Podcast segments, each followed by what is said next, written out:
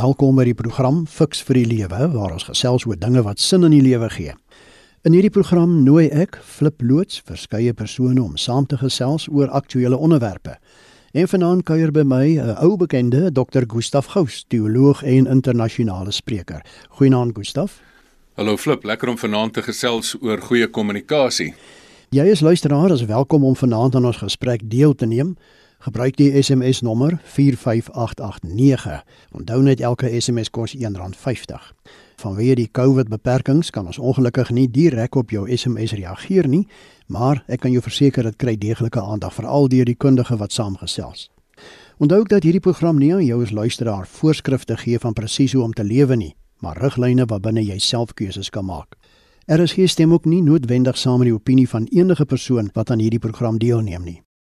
Die een ding wat kenmerkend is van die tyd waarin ons lewe, is die verskil van opinie oor die neem van die inenting teen die koronavirus al dan nie. Naas diegene wat die neem van die enstof voorstaan en nie kan wag om dit te kry nie, is daar diegene wat heftig daarteenoor gekant is en weier om dit selfs te oorweeg om te kry. Fiks vir die lewe gaan nie vanaand oor die meriete van hierdie twee standpunte praat nie, maar kyk of verskil van opinies opgelos kan word. Nou ja, Gustav, hierdie debat is heel ewig op die oomblik. Die gesprek het nogal lelik geraak en belangrik wat ons vanaand moet sê is dat vanaand gaan ons nie oor die inhoud gesels hierdie kant of daai kant toe nie. Vanaand gaan ons gesels oor die gespreksvoeringskuns wat ek raak sien dat baie mense nogal op 'n baie lelike manier aan die gesprek deelneem. Maar Gustav, waarom gebeur dit dat mense van mekaar verskil oor 'n saak? Wat veroorsaak dit?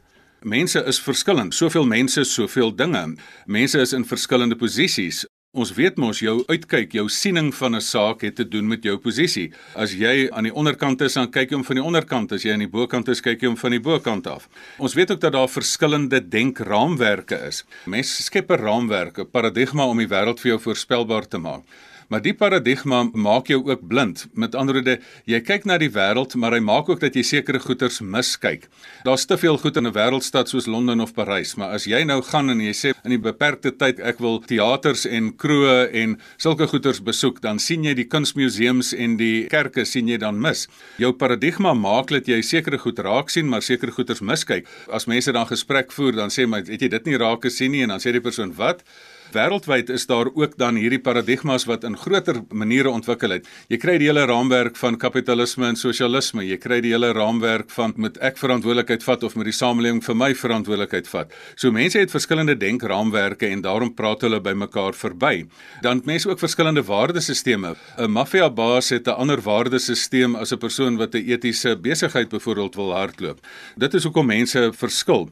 In die verlede was hierdie sieninge nog altyd daar. Dit was in die politiek daar, dit was oor kerklike oor teologiese sake daar, dit was oor die ekonomie daar, hoe moet jy dinge doen? Dit was oor sosiale kwessies daar soos geslagsidentiteit en dis meer. Al hierdie gesprekke was al reeds daar en was al reeds in 'n mate lelik geweest. Dit het gewoonlik gegaan oor as jy voel daar's onreg gepleeg of iets van jou is bedreig. Maar vandag is hierdie verskilpunt nog erger. En na my mening is daar 'n bietjie van 'n sielkundige verklaring agter alles. Die angsvlakke is hoër want hierdie is nie net my denkraamwerk word bedreig nie. Jou leefstyl word bedreig, jou lewe word word selfs bedreig. Interessant genoeg selfs voorheen het uh, denker soos Jordan Peterson gesê in een van sy onbekende boeke voor sy 12 Rules of Life, hoekom in die wêreld mekaar amper moet kernbomme uitmekaar uitgeskiet. Hy sê want dit was twee kompeterende denkraamwerke en dit is baie makliker om jou dood te maak as om van opinie te verander. So mense sal eerder die ander persoon omtrent doodmaak as wat hulle dan sal sê maar luister ek is bereid om my opinie te verander. Maar hoe goed of sleg is dit Gustaf dat daar verskillende opinies oor 'n saak bestaan? As jy enigsins in die besigheidswêreld dink, al die besigheidskonsultante sê dat as almal dieselfde dink, is dit eintlik totaal gevaarlik want dan het jy 'n ding wat hulle noem groupthink of groepsdenke. En sê nou almal in die groep is blind en sê nou almal sien dit net uit een perspektief uit. Die hele wetenskap berus op die hele feit van dat jy verskillende opinies moet kry. Jy stel 'n saak, jy stel 'n hipotese, jy bewys die hipotese. En almal sê, "Oké, okay, ja nee, jy was nou slim, mooi sou jy dit gedoen." En dan kom daar 'n ander persoon en sê, "Luister, jy het die kat aan die stertbeet gehad. Jy het dit nou geverifieer. Hierdie ding werk werk, maar hy werk net op 'n sekere manier. Ek kan dit nou vir jou falsifiseer. Dan verifieer jy nou weer 'n nuwe raamwerk en dan kom iemand later weer en verbeter daarop. Ons soek wenresepte in ons lewe. Wat is kultuur? Kultuur is die manier van hoe ons dinge doen. Wat was dit? Dit was die wenresep. 100 jaar terug was 'n wenresep geweest om 'n perd en 'n geweer te hê. Nou is dit om 'n kar en 'n selfoon te hê. As jy nog vashou net aan die verlede, dan is daar nie groei nie. Selfs in die getroude lewe weet ons om met iemand getrou te wees wat nie net meneer reg is nie, maar meneer altyd reg is of mevrou altyd reg is, is 'n totale frustrasie. Die grondslag van groei is dat daar verskillende standpunte is. As mense net ordentlik kan kommunikeer en nie in angs, so angsbevange is dat hulle mekaar verketter en uitmekaar uitskree en beledig soos wat 'n mens nou so daar op sosiale media veral sien nie. Ons praat van verskillende opinies, verskillende standpunte, Gustaf. Hoe weet jy watter is die regte standpunt om oor 'n saak in te neem? Dis 'n moeilike een, want meeste mense se standpunte is maar 'n konkoksie van los feite wat hulle vermeng met 'n paar gevoelens en sonder veel denke nou maar net vir ander mense stel. Dan kom jy op daai standpunt van houding, ek is reg en jy's verkeerd en jy's simpel as jy nie dink soos ek dink nie. En dan beledig ek jou sommer as jy dit nie doen nie. Hoe kom jy by die regte standpunt uit? Natuurlik moet jy jouself vergewis van die feite. Maar nou sien ek mense skryf op sosiale media. Ek het nou ondersoek ingestel en ek het tot 'n gevolg gekrom almal moet nou die vaksinne kry. Dis ander persoon sê presies dieselfde. Ek het nou ondersoek ingestel en tot die gevolgtrekking gekom. Jy moet nou nie die vaksinne neem nie of jong mense moet dit nou nie doen nie of wat ook al. So die feit dat jy jou vergewis van die feite is nie 'n versekering van die saak nie. Vergewis van watter feite? Het jy al die feite byvoorbeeld in ag geneem? Daar kom 'n punt wat jy sê maar luister, hier is meer as net ek moet 'n paar feite versamel. Die feite moet in 'n robuuste gesprek ingetrek word. Kom ons leer by drie instansies hoe kom jy by die regte standpunt uit. Een van die oudste instansies wat hulle self met die waarheid wou besig hou is byvoorbeeld die kerk. Nou het hulle verskillende standpunte daar net na Christus het en sê nou hierdie een sê dit en daai een sê dat. En daar besluit hulle nie maar ons het nou soveel verskillende mening, kom ons roep 'n byeenkoms by. Hulle noem dit 'n konsilie of 'n groot vergadering of 'n groot sinode. Daar sê hulle maar kom ons het 'n robuuste debat en dan kom ons tot 'n konklusie.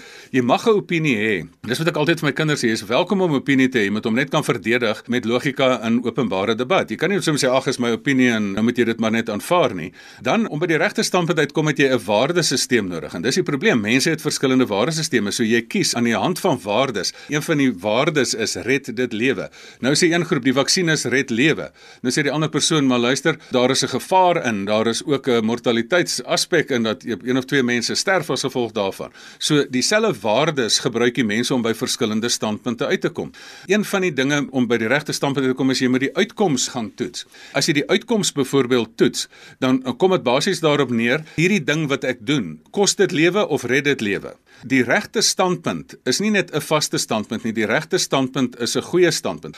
Hoekom het die wetenskap goeie soos peer review dat jy skryf 'n artikel en dan met 'n klomp mense met jou saamstem? Maar sê nou maar almal wat in jou saamstem is maar net in jou denkdampkring, dan kan almal verkeerd wees en dan kom 'n ander wetenskaplike en hy gooi dit heeltemal omver. Mense noem dit 'n Kopernikaanse revolusie. Mense het gedink die son draai om die aarde en nou skielik kom hulle agter die aarde draai om die son. Dis totaal teenoorgestel. So daar's verskillende maniere en onthou die aanvaarde wetenskap het ook al reuse foute gemaak. Ek bedoel daar was jare terug 'n geval gewees wat hulle gesê het maar om kinders se kopluise weg te vat is die aanvaarde beleid jy moet DDT op hulle koppe spuit. Nou die feit dat die kinders oorleef het is 'n wonderwerk. In die 70 jaar toe my pa gaan stappe deur die woestyn het hulle gesê mense moet soutpille drink om te dehydreer. Dit amper my pa en al sy mense doodgemaak. Almal sê die wetenskap. Die wetenskap is nie staties nie. Die wetenskap is 'n robuuste ding en jy moet toegelaat word. Daar moet robuuste debat toegelaat word en debat moet nie gesensor word nie. Daar's verskillende maniere hoe jy by die waarheid kan uitkom, maar jy moet jou vergewis van die feite, maar dan moet jy seker maak jy moet regtig weier feite dink as net jou dampkring van denkers. Jy praat van by die waarheid uitkom, Gustaf. Daar's mense wat al besef hulle hulle is verkeerd, steeds standpunt teen 'n saak inneem. Hoe dan gemaak? Wanneer weet jy om bes te gee? Ja, jy kry mense, hulle het gemoedere so sement, lekker gemeng en permanent geset en so aan. Dis daai tipe wat mense sê, maar luister, moet my nie die mekaar maak met die feite nie. Ek het klaar my opinie gevorm. Ongelukkig in hierdie debat is daar moetswillige denkers, is daar hardkoppige denkers, is daar eiewillige denkers. Is mense wat se belang so groot is, hulle te gevestigde belang en geen om wat die waarheid is nie. Veral as jy in 'n politieke party is, jy gaan mos nou nie erken jy is verkeerd nie. En dan kry jy ook 'n radiostasie of 'n TV-stasie wat meer met jou belyn en dan in plaas van goeie journalistiek word dit 'n propagandastasie. Daar is 'n ek dink 'n algemene verslegting in die wêreld wat plaasvind dat goeie radio en TV-stasies het nou propagandastasies geword. Die slegte ding van hier hierdie is dat mense wil doelbewus hulle punt maak, geen nie om van die waarheid nie. Die waarheid is vir hulle net 'n middel om hulle doel te bereik en hulle sal die waarheid plooi en draai. Daarom is daar destruktiewe tegnieke. Flip ek vir jou 'n klomp destruktiewe tegnieke noem wat al hierdie mense gebruik. Hulle stel nie belang in die waarheid nie. Die eerste tegniek is hulle plak vir jou 'n plakker op. En dan sê jy jy's 'n rasis of 'n kommunis of 'n liberalis of 'n konservatis of 'n wexer of 'n anti-wexer of 'n conspiracy theorist of wat ook al. So hulle plak vir jou 'n plakker op. So niks wat jy ooit weer sal sê sal nou enigstens geloofwaardig wees nie. En terwyl dit dalk waar is dat hulle maar eensydig oor die ding dink. Daar's baie mense wat letterlik net die slegste in mense sien. Hulle sê nee, farmaseutiese huise is net daarin vir die geld. Dis nie waar nie. As dit nie vir hulle was nie, het meeste van ons nie geleef nie. Hulle is daar omdat hulle goeie talent het wat ons wil gebruik. Maar ander mense sien weer net die goeie. Hulle sê farmaseutiese huise sal mos nou nie iets verkeerd doen nie. Dis nie waar nie. Van die grootste regsaake waar daar regseise uitbetaal moes geword het, is deur die farmaseutiese huise van hulle wat hierdie vaksines ontwikkel het. So jy moenie net die goeie sien of net die slegte sien. Ek sien net die beste in my politikus terwyl hy eintlik maar bietjie slegte eienskappe het. Of ek sien net die slegte terwyl die persoon ook goeie eienskappe het. Jy kan ook rapporteer selektief want meeste mense rapporteer volgens hulle ideologie. Hulle gee halwe waarhede. Jy sê nee, hoekom wil mense nou daai ding gebruik wat net diere gebruik? Terwyl daai spesifieke medisyne het helfte van die mensdom omtrent gehelp in sekere lande om rivierblindheid te oorkom. Ek wens baie keer dat daar 'n pilletjie is in debatvoering dat 'n mens paradigma blindheid kan oorkom. Mense weerhou helfte van die waarheid. Hulle doen nie eerlike navorsing nie. Hulle soek eerder feite wat hulle standpunt ondersteun in plaas daarvan om werklike 'n soekende, eerlike ondersoeker te wees.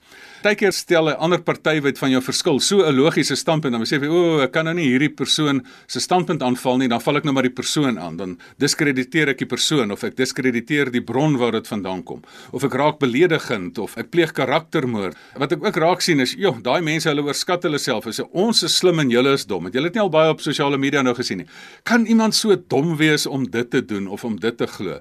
Dit is my eintlik aaklig as ek sien wat se beledigende woorde kom uit mense uit dit. En daai woorde moet jy onthou. Daar's mense op sosiale media wat jou dit sien doen en hulle sien jou karakter eerder raak as wat hulle jou standpunt raak sien. So hier is soveel destruktiewe tegnieke wat mense wat weet hulle is verkeerd, hulle sê ons moet wetenskaplik wees, maar wetenskaplike debat word onderdruk. Hierdie is op persoonlike vlak, maar wat van sosiale media? Ons almal weet, hoeveel mense het al gekla daaroor dat as jy 'n standpunt stel dan word dit byvoorbeeld gesensor of die sosiale media sorg dat hulle jou sogenaamd jou mikrofoon afskakel en dat mense nie verder daar kan praat nie. So sosiale debat is deel van die wetenskap en dit is sleg as mense dit doelbewus afskakel want hulle wil nie die ander kant hoor nie. En dan net 'n laaste punt hierso so is. Baie mense praat met net die experts of die spesialiste. Maar sê nou maar jy kry 'n expert wat die teenoorgestelde sê is wat jy wil hoor, dan glo jy ook nie meer die experts nie, dan diskrediteer jy sommer weer daai expert. So jy kan sien, die moetswilligheid lê diep en dik in hierdie hele proses. Vir my is die slegste is dat dit selfs uitgaan op dreig. As jy nie saam met my nie, dan gaan ons jou forceer om dit te doen. En ek dink dit is vir my die hartseerste. Dit is 'n teken van iemand wat eintlik die debat verloor het. As jy iemand moet dreig om jou standpunt in te neem, het jy eintlik die debat verloor. Dit is RSG met die program Fix vir die Lewe. Ons gesels vanaand oor hoe hanteer jy verskil van opinies. Ek is Flip loods en my gas is Dr. Gustaf Gous. En jy's luisteraar kan gerus jou mening oor die onderwerp van vanaand gee. Gebruik die SMS nommer 45889. Onthou net elke SMS kos R1.50. Gustaf, watter voordeel is daarin om verskillende opinies te hê oor 'n saak en wie of wat gee uiteindelik die korrekte weergawe? Ek dink ons het verskillende maniere om te probeer by 'n korrekte weergawe uitkom. Een daarvan is 'n demokratiese stem. Met ander woorde, as ons almal gedebatteer het, dan as daar net een as meer as die meerderheid stem, maar wat van as die ander 49% ook 'n standpunt het? Daarom is daar wêreldwyd 'n beweging, mense kan dit Google wat hulle noem deep democracy. 'n Goeie leier sê nie net, "Ag, ah, ek is nou bly my standpunt het gewen nie," maar dat ek ook die waarheid en die ander standpunt wat verloor het in die stemming ook probeer inkorporeer. Ander mense sê die autokraat sê, "Raai wat? Ek het die mag, die korrekte weergawe is my weergawe." Ander mense sê, "Weet jy, ons kan net die kenners glo." So die korrekte weergawe kom net van die experts af. Maar nou vra ek myself af, daar's experts op baie terreine is die enigste korrekte weergawe die ekspert wat nou byvoorbeeld in virologie is, wat van die ekspert in ekonomie, wat van die holistiese klomp experts wat eintlik moet saamsit want virologie is maar een aspek van die groot werklikheid wat dan 'n sekere mediese raad gevolg moet word, maar wat van ekonomiese raad, wat van die breër impak. So hier sit 'n mens met 'n baie moeilike punt van hoe kom ek by die korrekte weergawe? Die slegte ding is, dink ek, as 'n mens in swart-wit denke verval. Met ander woorde, natuurlik is my weergawe die korrekte weergawe. Mense moet kom by geïntegreerde kennis. Jy moet besef maar luister, ek het 'n opinie, maar daar's baie ander experts op hierdie veld en ek moet eintlik uit die som totaal van al die experts en dan mense wat sommer net dit beleef op die veld wat nie eers 'n expert is nie, moet 'n mens hulle wysheid in ag neem. Die kern van die saak is om by die korrekte weergawe uit te kom, is nog 'n kuns en ons is eintlik 'n bietjie te arrogant en sê altyd my weergawe is die korrekte weergawe, terwyl ons eintlik twee ore en een mond moet hê en baie meer moet luister en minder moet praat. In hierdie hele debatvoering of die verskil van opinie Gustaf, watter rol sou jy sê speel onderlinge respek vir mekaar wanneer daar 'n verskil van opinie oor 'n saak ontstaan? Dit is vir my die hartseer van die totale gebrek aan respek, veral op sosiale media. Die reël wat mense breek is As jy gesig tot gesig met iemand praat, nee, sal jy nie vir iemand so reguit in sy gesig beledig nie. Jy sal twee keer dink. Maar op sosiale media om 'n persoon ver is, dis eintlik lafhartig want jy kan daar ver sê ag jy is simpel en jy is stupid en so aan. Die gebrek aan respek is vir my eintlik sleg. En ek wil net vir jou waarsku vir diegene wat dit doen. Onthou daar's ander mense wat jou dit sien doen en hulle kyk nie net wat jy sê nie, hulle kyk ook hoe jy iets sê. En hoe jy iets sê, sê eintlik iets oor jou. En die gebrek aan respek wat jy aan ander mense toon, kan dalk op jouself boemerang dat ander mense vir jou respek verloor en sê maar is jy regtig so verneig? Het jy 'n klomp opgekropte aggressie in jou? Wat is jou storie? En ek dink in daai opsig moet 'n mens dan sê maar as dit die probleem is, wat is die korrekte manier? Ons moet van die destruktiewe goeters af wegkom en by konstruktiewe kommunikasie uitkom. En daai konstruktiewe kommunikasie is selfs ou Shakespeare het gesê, gee vir baie mense jou oor en vermin jou opinie in jou mond. Jy moet meer luister as wat jy moet praat. En as jy praat, een van die tegnieke byvoorbeeld is jy moet kan inkorporeer wat ander mense vir jou sê. Mag jou distansieer as daar waardes is wat nie gehoorsaam word nie. Maar die kern hiervan is ons sal met baie meer respek met mekaar kommunikeer. En onthou die wat nie respek toon nie, die res van die wêreld verloor eintlik respek vir jou wat dit doen. Maar nou hoor ek daar's baie mense Gustaf wat sê ek sien hoe beklei hierdie mense onder mekaar. Ek lees van die verskillende standpunte. Maar nou bly ek maar liewer eerder stil as iemand 'n ander opinie oor 'n saak het omdat ek bang is vir 'n woordewisseling. Is dit reg of verkeerd? Die eerste ding is, daar is 'n ou gesegde, you must choose your hills to die on. Jy moet jou heuwels kies of jou veldslae kies wat jy in betrokke wil raak. Jy moet die platform kies waar jy betrokke wil raak. Ek is van opinie dat waar sosiale media eers geweldige bevryding van vloei van inrigting gebring het, is dit 'n platform wat hom al minder leen tot enige sinvolle gesprek. Mense kan nou sosiale media vir ander goed begin gebruik, maar maar sinvolle gesprek word nie lekker daar gevoer nie. So baie keer wil 'n mens ook sê, maar luister, ek sien nou lus vir hierdie woordewisseling nie en ek sien lus vir hierdie klomp persoonlike stroom van beledigings en dies meer nie. Kom ek bly uit hierdie ding uit. Maar konflikvermyding is nie konflikoplossing nie. Onthou in konflik is daar drie posisies wat jy kan inneem. Jy kan of konflik vermy, maar dan later dan kom die ding maar net weer terug. Of jy kan konflik soek en dan is jy maar die persoon wat al die moeilikheid maak. In konflik soek is dit gewoonlik destruktiewe konflik. Of jy kan die derde posisie inneem van dat jy kreatief konflik oplos, dat jy in die kreatiewe spanning van breine wat met mekaar worstel tot by nuwe waarhede kom. So, baie keer moet jy stil bly want dit is 'n sinnelose gesprek. Ek sê altyd vir mense, ag, weet jy wat, hierdie gesprek gaan nêrens heen nie. Ek gaan nie eens betrokke raak by hom nie. Maar by ander plekke is daar 'n gesprek wat jy moet betrokke raak want jou wysheid is daar nodig. Het dan die guts om dan in daai gesprek in te gaan, die spanning te vat en sorg dat jy dit in kreatiewe spanning in bly bou. Nou is die probleem Gustaf in die vraag mag jy met enige een verskil of is daar nou sekere mense of organisasies of omstandighede waarmee jy eerder nie moet verskil nie? Ek dink jy byvoorbeeld wat sê mense as jy verskil met iemand wat meer mag as jy het in 'n organisasie of waar ook al? Of hoe besluit 'n mens dat dit die moeite werd is om te praat en as jy praat presies wat jy moet sê? Die vraag is mag jy verskil? Nou die hele woord is mag. Ja, jy mag, maar magsbalans uh, maak dit baie moeilik. Weet jy wat is die probleem nou se daar? As jy in 'n gesprek betrokke raak waar die magsbalans nie reg is nie, met ander waar die speelveld nie gelyk is nie. Met ander woorde, jy wil graag debat voer oor 'n spesifieke saak, maar die sosiale media sny jou mikrofoon af of jy kan nie dit stel nie of jy word geviktimiseer of die oomblik as jy iets sê, dan spring daar 10000 mense op jou. Want dit het nie verlede ook baie gebeur, want baie keer dan wil mense 'n stelling maak en dan mense selfs vuil gespeel dat hulle 'n klomp sosiale media bots, soos die mense sê, letterlik op jou loslaat dat hulle maak asof daar 'n geweldige reaksie teen jou is terwyl dit eintlik 'n georgestreerde poging was. In sulke situasies is dit verskriklik baie moeilik. Daarom moet jy baie strategies wees. Jy moet weet waarom te praat en waarom nie te praat nie. Wat vir my sleg is, is as die waarheid onderdruk word dan het mense die geneigtheid om te bestil bly. Maar ek het gelukkig 'n stukkie hoop. Ek is bietjie van 'n positiewe mens wat glo die waarheid het 'n manier om uit te kruip waar ander mense hom wil inboks. En daarom sal dit op die ou ende sal die goeters na vore kom. So, moet jy praat, mag jy praat? Ja. Is dit moeilik om te praat as die magsbalans verkeerd is? Ook ja. So wees net strategies dan. Gustav, ons tydjie loop uit. Kom ons vat saam.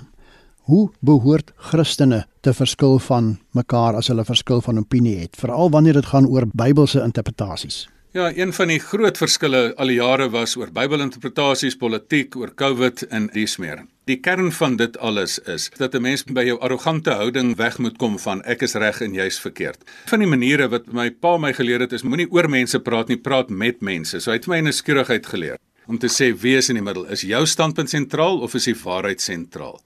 En daarom het jy jou arrogansie verloor en sê maar luister, ek is nie sentraal nie. Ek is nie almagtig en alwetend nie. Die waarheid moet sentraal wees. En as dit dan die geval is, dan moet jy vir jouself sê dat ek in gesprek moet kan tree. Dan moet ek van standpunt kan verander as ek oortuig kan word. Dan moet jy jouself oopstel. In vandag se tyd wil ek baie spesifiek die volgende praktiese riglyne gee. Jy moet besef dat angs oor lewe en dood, of jy 'n vaksinepersoon is of 'n anti-vaksinepersoon is, sorg dat jy nie uit angs uitpraat nie, maar kry jou logika terug en begin uit logika uitpraat. En dan moet jy verder gaan sê, maar luister, as jy dan 'n verkeerde standpunt gehad het, het die moed van Martin Luther. Almal sê Martin Luther, hier staan ek, ek kan nie anders nie. Hy het dit gesê na die grootste logiese sprong in sy lewe wat hy van opinie verander het dan moet jy genoeg van 'n selfbeeld kry om besef maar ek kan verander en ek kan erken dat ek verkeerd is. Dan moet jy eenvoudig daai konstruktiewe tegnieke gebruik van inkorporeer iets van iemand anders, waardeer wat iemand sê en verskil waar jy regtig moet, maar slegs as dit waardes 'n streep deurtrek. En dan moet jy onderskei tussen kernsake en randsake. So al hierdie tegnieke is maniere wat 'n mens by moet uitkom. Bo alles wil ek net miskien hierdie oproep maak. Wil jy nie maar net erken dat die waarheid groter as jy is nie? En wil jy nie eerder vra plaas van dat het ek die waarheid, het die waarheid my nie. So my oproep is dus kry 'n leerbare gees en stap 'n pad saam met mense wat ook eerlike soekers is en probeer same pad vind. Dit dan allen vanaand se fiks vir die lewe. Baie dankie dat jy as luisteraar saamgekuier het. Dankie ook aan my gas, dit is Dr. Gustaf Gous vir sy bydrae. Gustaf, indien van ons luisteraars verder met jou wil kommunikeer, hoe kan hulle dit doen? Dis vir my geweldig lekker want selfs hierdie verskille het ek selfs in die spreekkamer sien ek nou al dat dit begin huweliksprobleme veroorsaak hierdie krisisse. Dit maak dat mense wat gedink het hulle moet mekaar trou nou nie eers meer met mekaar gaan trou nie. So die kern daarvan is mense is baie welkom om oor hoe hanteer mense hierdie verskille met my kontak te maak. E-posadres gustaf@gustafgous.co.za As jy die korter een wil hê, gustafgous@gmail.com. Asseblief, gaan ook na ons Facebook bladsy. Vat jou Facebook, maak dit oop op Fix vir die Lewe. Daar sal ek dieselfde besonderhede herhaal. Of ook gaan na my webwerf toe www.gustafgous.co.za. En my kontakinligting flip by mediafocus.co.za. Onthou dat hierdie program ook op RSG se webwerf onder potgooi beskikbaar sal wees so 'n bietjie later in die week, dan kan jy weer daarna luister. Tot ons weer saamkuier volgende Sondag. Totsiens.